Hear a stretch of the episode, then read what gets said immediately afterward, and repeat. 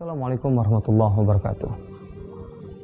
Kalau kita mengenal bagaimana Rasulullah berhubungan dengan orang-orang terdekatnya, para sahabatnya, tentu saja kita akan mendapati betapa luar biasanya hubungan itu. Tapi di sisi lain, kita pun perlu mengenal bagaimana Rasulullah SAW bersikap kepada musuhnya. Ada banyak peristiwa yang bisa memberikan gambaran kepada kita bagaimana Rasulullah bersikap terhadap musuh.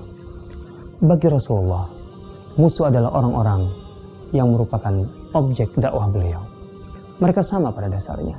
Orang yang membutuhkan belayan kasih sayang, tapi tentu saja dengan cara yang tidak sama dengan orang-orang yang beriman. Maka karena itu, Rasulullah SAW menimbang permusuhan itu adalah bagian dari tantangan dakwah beliau. Beliau selalu berusaha, kalau bisa menarik musuh itu menjadi kawan, maka itu akan beliau lakukan dengan segala cara. Satu ketika, Rasulullah SAW atau para sahabat berhasil menangkap seorang musuh Islam yang sangat luar biasa. Sumamah bin Usah. Dia berasal dari Najd, dari kabilah yang cukup jauh dari Madinah. Dia terkenal bermusuh, memusuhi Rasulullah SAW dan bahkan hendak membunuh Rasulullah SAW. Maka ketika tokoh dari Najd ini ditangkap dan kemudian diserahkan kepada Rasulullah, Rasulullah SAW mengikatnya. Dalam bahasa kita memenjarakannya, tetapi dengan cara mengikatnya, bukan mengurungnya di salah satu tiang di belakang Masjid Nabawi. Saat itu Sumama sengaja oleh Rasulullah SAW dipertontonkan kepada kehidupan kaum muslimin sehari-hari biar dia tahu sebenarnya tidak ada alasan bagi Sumama untuk memusuhi Rasulullah dan Islam.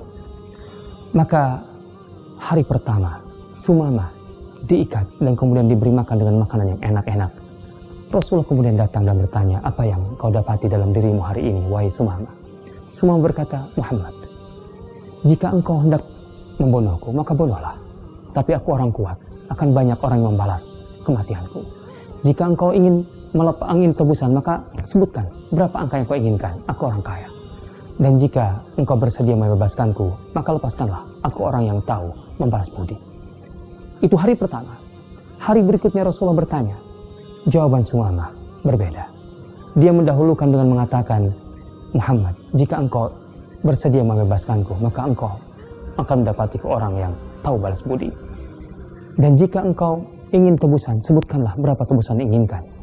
Dan jika engkau ingin membunuhku, maka sungguhnya aku orang kuat dan banyak membela.